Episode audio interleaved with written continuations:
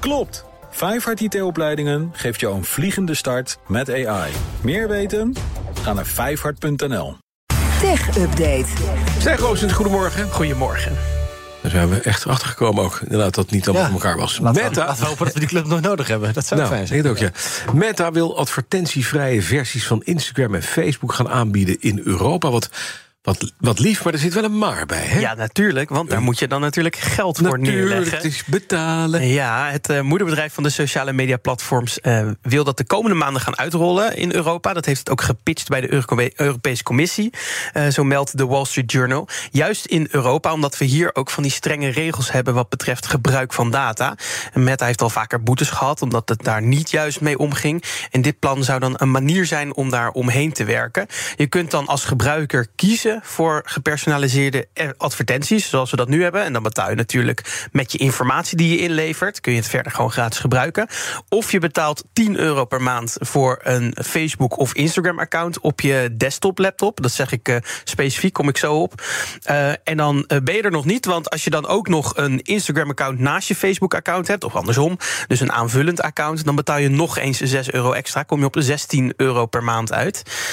En als je dat dan op je telefoon eh, allemaal wil afrekenen, dan betaal je nog eens 3 euro extra.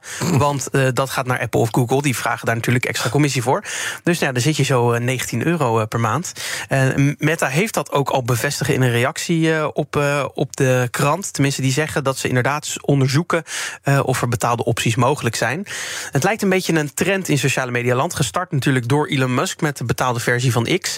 En die wil dat ook helemaal betaald maken, is het gerucht, of heeft hij zelf aangegeven. Ehm, en ook TikTok eh, lijkt op die trend te springen naast eh, Meta. Want ook daar is een betaald abonnement. Eh, wordt dat getest, zo meldt Android Authority. Daar wordt zelfs, zijn er zelfs al screenshots van. Dus het wordt ook echt in de, in de app al ge- mogelijk gemaakt. En op die screenshots wordt dan een keuze gegeven voor een gratis versie met reclames of een reclamevrije TikTok-feed voor 5 dollar per maand. Nou, dan ben je inmiddels alweer 25 euro verder om, om sociale media te kunnen gebruiken. En het is dan natuurlijk ook nog maar de vraag, zowel bij Meta als bij TikTok, of je dan niet nog steeds met je gegevens betaalt. Want je geeft natuurlijk nog steeds allemaal data aan zo'n app. Een vraag aan jullie is: hebben jullie dat er dan voor over om daar voor reclamevrije feeds? Bas heeft geen sociale niet media, relevant. Dus dat is vrij snel. En, en jij? Iwan? en nee, ik denk dat ik dan wel gewoon zo weer zou stoppen met eh, Instagram eigenlijk. Ehm, ik vraag me wel of jij zei de Europese Commissie, daar hebben ze het gepitcht. Wat vonden zij ervan? Want het alternatief is dus, als je niet wil betalen, maar je wil wel Instagram, dan moet je die gepersonaliseerde advertenties doen. Maar mag dat eigenlijk? Nou, ik moet je zeggen, de krant heeft gepeld bij de Europese Commissie. En die zeiden ja, buiten werktijd reageren we hier niet op. Dus dat komt misschien morgen. Oké, Dan wordt posten op X. wordt vervolgd. Ja, wordt vervolgd in de middagupdate waarschijnlijk. Dan Satya Nadella, de CEO van Microsoft, getuigde in de grote rechtszaak van de Amerikaanse overheid tegen Google als zoekmonopolist. Want dat is het verhaal, hè? Ja, hij mocht zijn verhaal doen over de strijd tussen de zoekmachine Bing van Dat is van Microsoft hem, ja. en de zoekgigant Google. En daarin bevestigde Nadella met droge ogen dat Bing inderdaad inferieur is aan Google. Eh, maar de grote vraag tijdens de rechtszaak was: waarom is dat dan zo? En die rechtszaak loopt nu al een tijdje, ongeveer, en duurt ook nog zeker een maand. En daarin wordt eh, ja, de vraag gesteld in hoeverre Google een monopolie heeft als zoekmachine. En of het wellicht dan dus moet worden opgebroken om eerlijke concurrentie toe te staan. Nou, en uit die zaak bleek van de week al dat Microsoft haar zoekmachine Bing een tijdje geleden wilde verkopen aan Apple.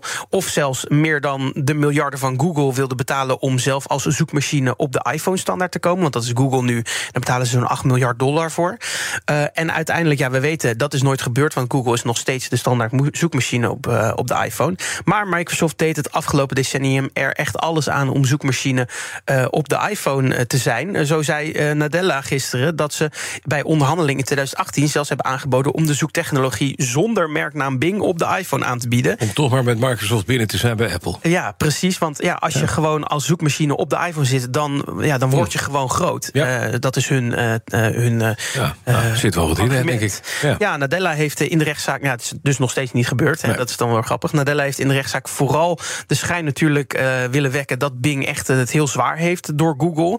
Eh, alles natuurlijk om aan te tonen dat Google echt een grote macht heeft. Een goed punt dat hij wel nog maakte, is dat ze op hun eigen Surface Duo smartphones, die klaptelefoon die ze een tijd geleden uitbrachten, die volgens mij ook al niet meer verkocht wordt inmiddels, dat ze daar geen Bing mochten plaatsen, maar Google moesten handhaven als standaard zoekmachine, omdat ze Android als besturingssysteem hadden. Ja, en dat is natuurlijk wel een beetje uh, concurrentiemanipulatie. Uh, ja, en of het allemaal voldoende is, al die argumenten vanuit Microsoft om Googles monopolie dan te bewijzen, dat horen we pas na deze tien weken durende zaak. maar het betekent dat we in ieder geval nog genoeg nieuws gaan krijgen uit die zaak. Want tot nu toe is er echt al heel veel uitgekomen. Hm. En dat is alleen maar leuk. Zeker. Nou, het was een kwestie van tijd. Ex-corp van Musk wordt aangeklaagd door een marketingbedrijf. En dat heet Ex-Social Media. Ja, ik wist niet dat het bestond. Nee, maar nu wel. Volgens uh, X-Social Media, een reclamebedrijf uit Florida, heeft het bedrijf last van de naamsverwarring en heeft het daardoor ook omzet verloren. En daarom stapt het nu naar de rechter voor handelsmerkinbreuk en oneerlijke concurrentie. En X-Social Media zou zijn naam al handhaven sinds 2016. Nou, is een stuk langer dan uh, dat uh, Musk met zijn X-Corp aankwam. En ja, om eerlijk te zijn, het is ook wel een beetje ongelukkig gekozen met de kennis van nu. X-Social Media, dat klinkt eigenlijk precies als het social media platform van uh, van Musk, uh, wat voorheen Twitter was natuurlijk. Het is uh, onduidelijk hoeveel kans het bedrijf maakt in de rechtszaak tegen Musk. Want X wordt echt op heel veel plekken gebruikt als handelsmerk. En veel experts zeggen dat het daardoor juist lastig is om überhaupt met X als merk een claim te maken in dit soort zaken. Of je nou Musk heet of een bedrijf uit Florida, bent. dus ja, of ze daar nou echt iets gaan gaan winnen, ik denk dat ze beter hun naam kunnen veranderen. Ja, in, in wat? En nooit één letter als bedrijfsnaam. Ja, in Z social media. Nee, je moet eigenlijk gewoon niet één letter doen. Nee. Dus kunnen we iets originelere naam bedenken. Dat denk ik ook, ja. Maar dat is ja, niet iedereen gegeven, weten wij inmiddels. Nee, van helaas. Elon. Dankjewel, Stijn Goosens. De BNR Tech Update wordt mede mogelijk gemaakt door Lenklen. Lenklen. Betrokken expertise, gedreven resultaat. Klopt. Vijfhart IT-opleidingen geeft jou een vliegende start met AI. Meer weten? Ga naar vijfhart.nl.